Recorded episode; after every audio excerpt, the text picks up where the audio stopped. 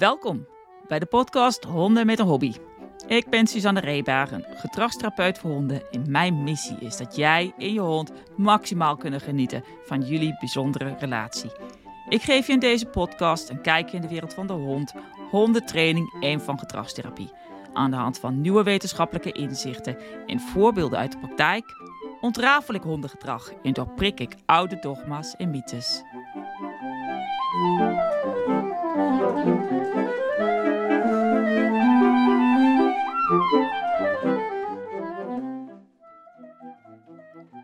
Verwonder je jou ook zo over uh, hoe slim die honden zijn? Ze komen als uh, ongeveer blanco, ongeschreven blad, als puppy bij ons binnen. En binnen de kortste keren lijken ze precies te weten wat we gaan doen. Hoe zou dat nou komen? Je klapt je laptop dicht of je boek. Je doet je wandelschoenen aan, pakt de riem. En alsof ze je gedachten kunnen lezen, staat er dan nog plotseling zo'n hondje naast je te kwispelen. Van uh, om mee te gaan met de wandeling. Mag ik mee? Misschien ben je het al gewend als uh, hond, ervaren hondeneigenaar of verbaas je je er niet meer over. Tot je hondje weer verrast met een nieuwe geitje. Verleden jaar overkwam mij dat. Ik pakte vaak voor het gaan wandelen een kauwgommetje ter voorkoming van een kriebelhoest. Weet je wel? Oh, zo'n kauwgommetje. En uh, ja, ik was een beetje. ja, ik wou niet buiten een of ander uh, hoestbui krijgen. Ik denk dat meer mensen daar last van hadden aan het begin van de pandemie. Dus ik wou voorkomen dat ik een droge mond kreeg en dat ik ging hoesten. Dus er ging dan bij mij een uh, kauwgommetje daar binnen. En uh, op een willekeurige dag, op een willekeurig moment, pakte ik zomaar een kauwgommetje, omdat ik er zin in had. En uh, wat gebeurde? Ja hoor, daar stonden ze dan. Naast me, zich uit te rekken, te kwispelen, te dansen, gereed om te gaan wandelen. Terwijl ik daar helemaal niet de intentie toe had. Ik kon niet anders dan eigenlijk heerlijk te lachen en toch nog maar een extra wandeling in te lassen. Nou, het mechanisme dat hier aan ten grondslag ligt, heet klassieke conditionering. En dat is door de Russische wetenschapper Pavlov per ongeluk ontdekt. Um, hij was eigenlijk bezig met onderzoek naar, de hormoonstelsel, naar het hormoonstelsel. En uh, nou ja, jullie hebben vast wel eens uh, gehoord van Pavlov. Je weet wel, die man met die honden en dat belletje. Alleen dat belletje was geen belletje, maar een metronoom. Maar dat had natuurlijk ook wat anders kunnen zijn. De rode knop van, uh, uh, wat was dat? The Voice? Of uh, komt dit bekend voor? Maar het maakt verder niet zo uit voor deze uitleg wat ik wil geven over klassieke conditionering. Het komt erop neer dat je een neutrale prikkel neemt, bijvoorbeeld een bel of een, uh, een klikker. En iets wat niets betekent voor die hond, hè, voor een individu, of het nou een hond, een mens, een goudvis is, het maakt helemaal niet uit. En je combineert dat met iets, met een ongeconditioneerde iets. Iets wat niet aangeleerd is, iets wat spontaan is, een respons. Bijvoorbeeld in Pavlov's geval het kwijlen bij het zien van de bak vol overheerlijk vlees. Vlees had dus al een betekenis voor die honden. Het veroorzaakte een respons kwijlen. Als je dan consequent het belletje rinkelt elke keer voordat je eten geeft, dan wordt uiteindelijk het rinkelen een voorbode voor eten en gaat de hond dus kwijlen. Het is ook een respons die de hond niet direct onder zijn controle heeft. De hond kan niet denken: nu ga ik kwijlen. Het gebeurt zonder een cognitieve proces of zonder een denkproces. Er ontstaat vaak ook hele ketens van afhankelijk neutrale prikkels die op deze manier betekenis gaan krijgen. Bijvoorbeeld de voerbak is neutraal en de hond die krijgt uh, ook betekenis. Die krijgt dus ook betekenis omdat dat uh, vaak vlees in zit. En uh, dus bij het zien van zo'n voerbak gaat een hond dan al kwijlen, de ongeconditioneerde respons. Dus bij de bijl, de bak, krijgt, uh, dan uh, gaat de hond al kwijlen uh, wat de ongeconditioneerde respons is. En nou ja, die bijl en die bak, eerst betekende dat niks. En nu heeft dat dus betekenis gekregen. Net zoals die, dat kauwgommetje. Of eh, die klikker. Eh, het heeft allemaal betekenis. Dat was wel grappig. Ik, eh, ik heb speciaal voor deze uitzending een tafelbelletje erbij gehaald. En nou, dat heeft voor mij eigenlijk ook een hele betekenis. Want mijn vader is klokkenmaker en als ik dit hoor, dat klinkt net als die van die klokken afgaan in mijn ouderlijk huis. Dus uh, dat, dat brengt voor mij gelijk allerlei herinneringen terug, een, een gevoel terug. Dus nou, het grappige is dus dat dit werkt in allerlei situaties. En het is zonder dat we het doorhebben, de hele dag door gebeurt dit. Met ons, met honden. Hè, wat ik ook zei, bij mij is het vaak al dichtklappen van de uh, laptop of een boek dan komen die honden al. Want dan weten ze al, oké, nu is het tijd om wat te gaan doen. Ehm, en het werkt niet alleen op reflex hoor, maar het leert ook op gedrag bijvoorbeeld. want hoe kan je anders een woordje koppelen of een, uh, een, een, een, visueel iets als je wil hebben bijvoorbeeld dat de hond moet gaan zitten. Want hij, hij moet het, uh, ja, dat, dat is dus ook een klassiek geconditioneerde koppeling. Um, en dan heb ik het dus niet over het aanleren van het zitten zelf, dat is wat anders, maar het koppelen van dat die cue betekenis heeft. Dat is een voorspeller dat als je gaat zitten, dan kan je bijvoorbeeld beloning krijgen. Ehm, en ik zeg nou cue, maar uh, dat kan dus ook commando zijn of wat je het ook al wil noemen. Het bijzondere is dus dat het dus niet alleen werkt bij reflexen, ook bij gedrag, maar ook bij emoties. En dat heeft iemand uh, met de naam Watson uitgezocht. En hij had daar een, uh, is een beroemd experiment voor geweest. Ze hadden een babytje, baby Albert. Moet je maar eens gaan opzoeken op het internet. Er zijn zelfs filmpjes van uh, kleine baby Albert uit die tijd. En wat ze met kleine baby Albert deden, was dat elke keer als hij een zacht konijntje zag, was dat het voorspeller voor iets heel erg vervelends. Het slaan op een metalen plaat. Ja, nou was het eigenlijk niet helemaal neutraal, zo'n zacht konijntje, want eigenlijk vond hij het best wel leuk.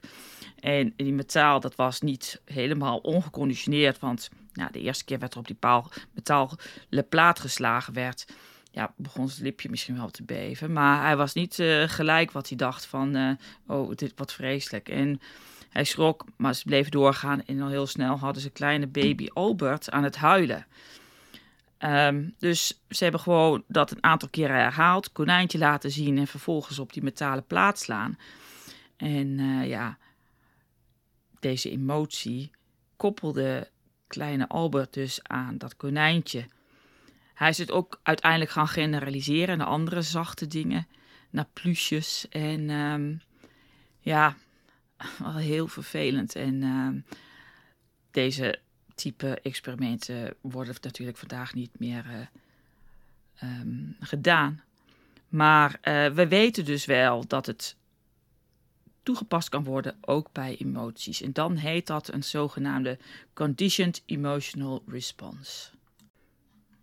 En deze dingen die uh, werken hetzelfde voor fijne of niet zulke fijne dingen. En rinkel een belletje net voordat je iemand zijn vinger een schok geeft. En binnen no time trekken mensen hun vinger weg bij het horen van een belletje. Nou, een tijdje geleden kreeg ik ook zo'n SER erbij. Zo'n Conditioned Emotional Response. Ik was namelijk onderweg uh, met mijn auto. En ik kwam tot stilstand omdat er een auto in het midden van de weg stond. En er was een man uit die auto gestapt, uit zijn rode auto. En hij stond het meisje helemaal uit te schelden uh, aan de kant. Hij sloeg haar nog net niet, maar net voordat hij vertrok uh, bespuugde hij haar. Hij vertrok toen en uh, ik reed verder, maar ik stopte eventjes om te horen of zij wel oké was. Ehm, maar ja, daar stopte die man weer. Dus ik zei, nou, stap maar snel in. Dus wij, uh, hij kwam nog een beetje vloekend en tierend aanlopen, maar hij zag dat ze was ingestapt, dus hij ging weer terug naar zijn auto. Um, dus we reden verder en ik heb haar toen afgezet bij het winkelcentrum. Om een lang verhaal kort te maken. Bij het winkelcentrum uh, ze werkte, heb ik haar dus afgezet. Behalve, die man kwam alweer aanlopen. Het was niet zo heel ver van waar de eerste incident was. Nou, dan ben ik vliegensvlug. Fastest gun in the West. Oftewel de snelste telefoon in Utrecht West. Ik had 1 en 2 snel aan de lijn en uh, hij vertrok toen wel. Maar na dit incident heb ik best een tijdje last gehad van bepaalde prikkels die te maken hadden met dit incident. Rode auto's bijvoorbeeld. Kalende mannen met witte t-shirts, spijkerbroeken en gimpen. Dat veroorzaakte bij mij dat ik me niet helemaal comfortabel voelde. Ik uh, had dus die zogenaamde conditioned emotional response. En mijn lichaam kwam in een staat van vechten of vluchten. Nou, bij, vooral bij angsten werkt dit hele me mechanisme vliegensvlug. Dat heet dan je one trial learning. Dus je hoeft maar één gebeurtenis te hebben om die emotionele respons te verankeren in je lijf. Dus hoeft maar één keer te gebeuren, één herhaling en dan is het al verpest. Herken je dat bij je hond? Nou, ik kom het continu in mijn werk tegen. Allerlei prikkels die geassocieerd zijn met emoties. En in mijn werk zie ik dat vooral bij angst en woede. Kijk maar hoe snel dit kan gaan na één enkele dierenartsbezoek waar je hond iets beangstigends of pijnlijk heeft meegemaakt. Ik weet bijvoorbeeld dat dat voor Maya, die had uh, vroeg in haar leventje, toen ze nog niet bij me was, een uh, oorontsteking. Dus uh, super pijnlijk, hè, moet in dat oor gekeken worden, moet behandeld worden. Um, en zij had dus ook een behoorlijke angst voor de dierenarts. En daar ben ik dus ook regelmatig mee aan de slag gegaan om dat uh, te veranderen. Hè. Maar realiseer ook dat dit mechanisme speelt ook zich af als je hond dus straft of beloont. Als je je hond beloont of je geeft hem een koekje of zo, dan is dat gewoon een koppeling van hé, de straf moet met jou gekoppeld of het koekje wordt met jou gekoppeld. Iets fijns wordt gekoppeld. Of als je met de hond aan het spelen bent en hij vindt het fijn, dan wordt dat ook aan jou gekoppeld. Maar als je dat dus ook gebruikt binnen trainingen, als je gaat straffen, ben je wel ja, op een andere manier bezig met leren. Met dan, dan ben je echt cognitief bij die hond bezig. Maar dit mechanisme van dat klassieke conditionering, dat speelt altijd. Hè? Zoals ze in uh, hondenland zeggen, Bob Bailey zei dat ooit, uh, Pavlov is always on your shoulder. Dus realiseer je wat onder de boter, wat, uh, motorkap gebeurt. Je haalt bij het straffen een bedrag van je opgebouwde emotionele bankrekening af. En je wordt ook wat onvoorspelbaar voor de hond, omdat de hond vaak niet snapt, snapt waarom we dan doen wat we dan doen. Waarom dan je plotseling straf? Terwijl we vaak wel denken van, hè, oh, die hond weet het wel. Dus uh, nee, die hond weet het vaak niet. Dus je wordt dan eigenlijk vaak gewoon heel erg onvoorspelbaar voor je hond. Dus daarom werk ik ook liever niet met straffen. Nou, nu dat je dit weet, weet je ook wat je het best kan doen als je weet dat je hond ergens een keer een negatieve ervaring zal oplopen. En soms kan je al voorspellen dat er mogelijk iets uh, onaangenaams zal gebeuren. Bijvoorbeeld een vaccinatie. Dat kan voor sommige honden of een, een dierenartsbezoek. Dat kan voor sommige honden in één keer gewoon compleet verpest zijn. Dus wat je moet doen is, je moet dan van tevoren een beetje die positieve ervaringen gaan opladen. Beetje zo'n. Uh, voordat je al wat doet. Niet later, nee, aan het begin. Dat werkt het beste, zonder zocht. Je kan dus, dat, dus nog voordat je maar iets bij die dierenarts hoeft, ga je naar die dierenartspraktijk. En dan ga je daar uh, leuke dingen doen met je hond. Hè. Best is om eventjes met je dierenarts te overleggen, te bellen of je even langs kan komen. En zeker uh, als, er weer, als die pandemie, als de cijfers oplopen, dat je op een rustig moment kan gaan. En dan uh, kan je gewoon eens een leuke kennismaking met de paardenveterinair, misschien met de weegschaal of de onderzoekstafel. Maar je doet dat in hele kleine stapjes. Je zorgt dat het leuk en licht blijft. Je let goed op je hond. Je zorgt dat die hond wat lekkers krijgt. Hè. Wees nou niet zuinig. Geef die hond worst. Trap nou niet in die valkuil. Hè. dat je hond eerst van alles moet doen. Dat hij moet gaan zitten of zo, voordat hij dat stukje worst krijgt. Nee, dat hoeft niet. Ik zie het regelmatig gebeuren. Dan moet hij eerst gaan zitten. Nou, dat is dus niet de bedoeling. We zijn niet aan het trainen. We zijn niet operant bezig, zoals dat heet. We zijn niet met een cognitief proces bezig. Nee, we zijn bezig om een fijne emotie te gaan koppelen aan die hele omgeving. Dus geef nou maar gewoon dat worstje. Kom op, het is maar worst. Niet zo zuinig zijn. Het gaat er alleen maar om dat die prikkels geassocieerd worden met wat fijns. Bijvoorbeeld die worst, als je hond dat lekker vindt. We weten dus ook uit onderzoek dat het beter werkt om vooraf die associaties op te laden, voordat de negatieve ervaring komt. Maar ja, wat nou als je hond alle negatieve ervaring heeft gehad? Nou, je gaat eigenlijk precies hetzelfde doen. Dus je gaat worst koppelen aan die nu negatieve prikkel. Dat heet counterconditionering. Alhoewel, nu is die prikkel dus niet meer neutraal.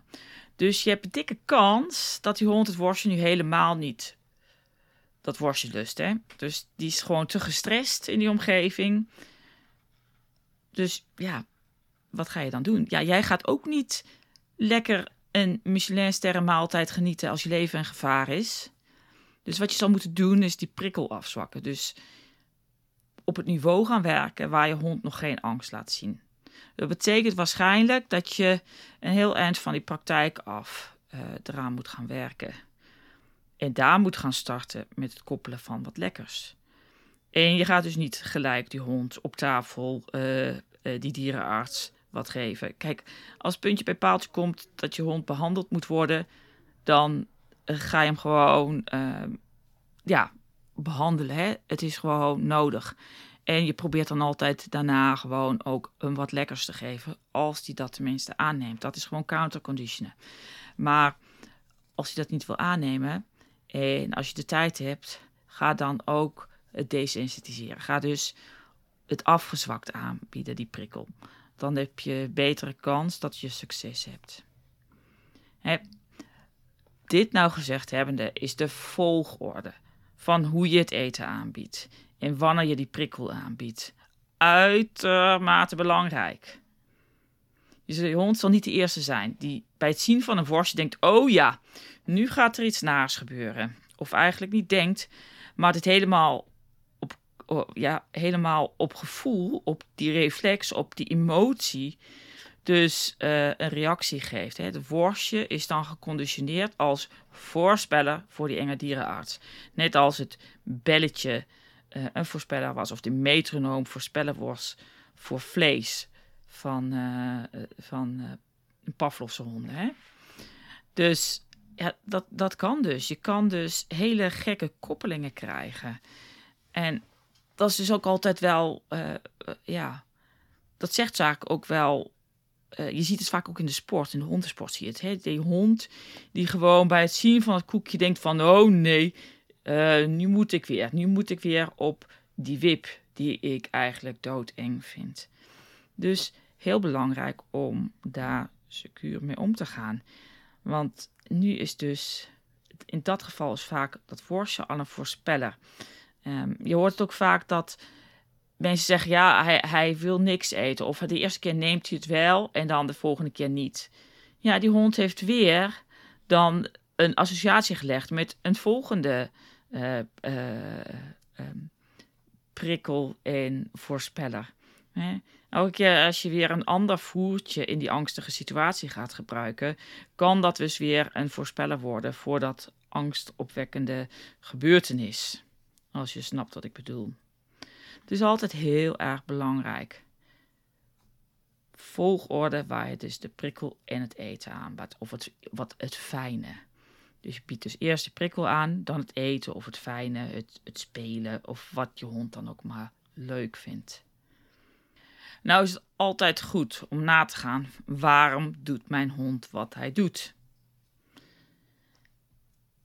Zit er bijvoorbeeld een emotie onder bepaald gedrag, wat gedrag stuurt? Ik ga je even een voorbeeld geven. Toen Sproetje bij mijn ouders woonde, terwijl ik ziek was, Ehm, toen ontstond er een beetje vervelende gedrag. Iedere keer als mijn moeder haar vogeltjes eten gaf, ging Sproet blaffen. En daar bleef het niet bij. Ze ging uitgebreid uh, blaffen als mijn moeder al uh, tegen de vogeltjes begon te praten. Luidkeels, ja, ze heeft best wel een stem voor zo'n klein meisje. Hmm, wat zou daar nou aan ten grondslag liggen? Mijn moeder vertelde me dit verhaal en uh, ja, niks lukte, want ze zei wel uh, uh, tegen Sproet, maar Sproetje blafte vrolijk, of nou nee, niet vrolijk, verder. Nou, mijn vermoeden was dat Sproetje jaloers was op de vogeltjes. Nou zou je kunnen denken, dat is helemaal niet nodig. Maar hoe vertel je dat nou tegen je hond? Ik stelde het volgende voor aan mijn moeder. Elke keer als zij de vogeltjes ging voeren, dan zou ze ook Sproet een paar zaadjes geven. Sproet die is niet vies van een paar zonnebloemzaadjes. Ze lust echt alles. Het is zo gezegd, zo gedaan. En misschien dat je nu denkt van, maar dan beloon je toch voor dat geblaf? En dat is zeker een legitieme vraag. Maar dit is nou precies waarom het zo belangrijk is om erachter te komen waarom de hond doet wat hij doet. Omdat ik Sproet goed ken en dagelijks bezig ben in mijn praktijk met dit soort dingen, wist ik dat dit waarschijnlijk aan de hand was. Dus ondanks dat blaffen ging mijn moeder haar toch zonnebloemgaatjes geven. Ja hoor, binnen no time blafte Sproet niet meer als mijn moeder de vogeltjes eten gaf. Het effect was zelfs zo sterk dat mijn moeder na verloop van tijd ook gewoon kon praten tegen die vogeltjes zonder dat ze ging blaffen. Wat er meestal gebeurt in vergelijkbare situaties is dat blaffen bestraft wordt zonder poging om te achterhalen wat er nou eigenlijk aan de hand is onder die motorkap. Het helpt dan vaak ook niet, ondanks dat er gestraft wordt. Vaak wordt het gedrag ook maar alleen maar erger. Het is net alsof je zo'n bal onder water blijft duwen. Die wil omhoog poppen. Dus je moet de oorzaak aanspreken. En uh, als je dat doet, dan verandert vaak ook het gedrag. Dus uh, hè, mensen met die enorme hersenen, wij moeten even goed gaan nadenken wat er aan de hand is. Voordat je van alles gaat doen. En kom je daar nou niet uit, dan is het handig om iemand in te schakelen. Als je nou dat een beetje in, je werk, in, het werk, in de werking wil zien, hoe dit werkt, dan is er op uh, YouTube of uh, ergens een hele mooie filmpje van counterconditioning van Dr. Sophia Yin. Ik zal in de show notes uh, dat ook nog plaatsen. Het ging over een, een Jack Russell Terriertje. En die was wat agressief. En als je in zijn gezicht blaaste, dan ging die happen en zo. Nou ja, ga dat maar eens kijken. Erg leuk om te zien. Nou, zoals ik al eerder zei, hè, Bob Bailey zei ooit: Pavlov is always on your shoulder. Pavlov zit altijd op je schouder. En ik kan me dus niet aan die gedachte onttrekken hoe dat er letterlijk uitziet. En hoewel Pavlov zijn experimenten niet bepaald goed waren voor de welzijn van honden in het lab, kunnen wel met de kennis betreffende klassieke conditionering het heel goed toepassen in therapie. En kan het ook wel degelijk bijdragen aan de welzijn van honden. En ik hoop dus van harte dat na het luisteren van deze episode van mijn podcast je het plaatje van Pavlov op je schouder niet uit je hoofd kan krijgen bij je volgende training en interactie met je hond. Super leuk dat je geluisterd hebt vandaag. Dankjewel voor je aandacht. Maar voordat je verder gaat, nog even het volgende. Vond je dit een interessante aflevering en wil je op de hoogte blijven van alle nieuwe afleveringen? Subscribe, abonneer of volg me dan door de subscribe, abonneer of volg knopje aan te klikken in je podcast app. Vind je deze podcast waardevol en wil je me helpen in mijn missie? Zeg het dan voort door bijvoorbeeld een screenshot te maken en door te sturen of op je social media pagina te delen. Vergeet me dan niet ook even te taggen. Op Facebook ben ik het beste te vinden. Daarnaast kan je deze podcast meer onder de aandacht brengen door te abonneren en me een 5 sterretjes review te geven in je favoriete podcast app of op iTunes. Heb je anders vragen die je graag besproken wilt hebben of een opmerking naar aanleiding van de aflevering? Laat het me weten op podcast.hondenmetenhobby.nl. Ik lees ze allemaal. Wie weet hoor jij jouw opmerking of vraag terug in een uitzending. Dan als laatste, maar heel belangrijk. Kom je er niet uit met je hond? Heb je problemen? Blijf dan niet langer aanmodderen in je eentje en stuur me dan een e-mail naar waf.honden.nl. Rest me te zeggen, geniet van je hond en jullie unieke relatie. En maak er een mooie dag van voor jou en je hond. Doei!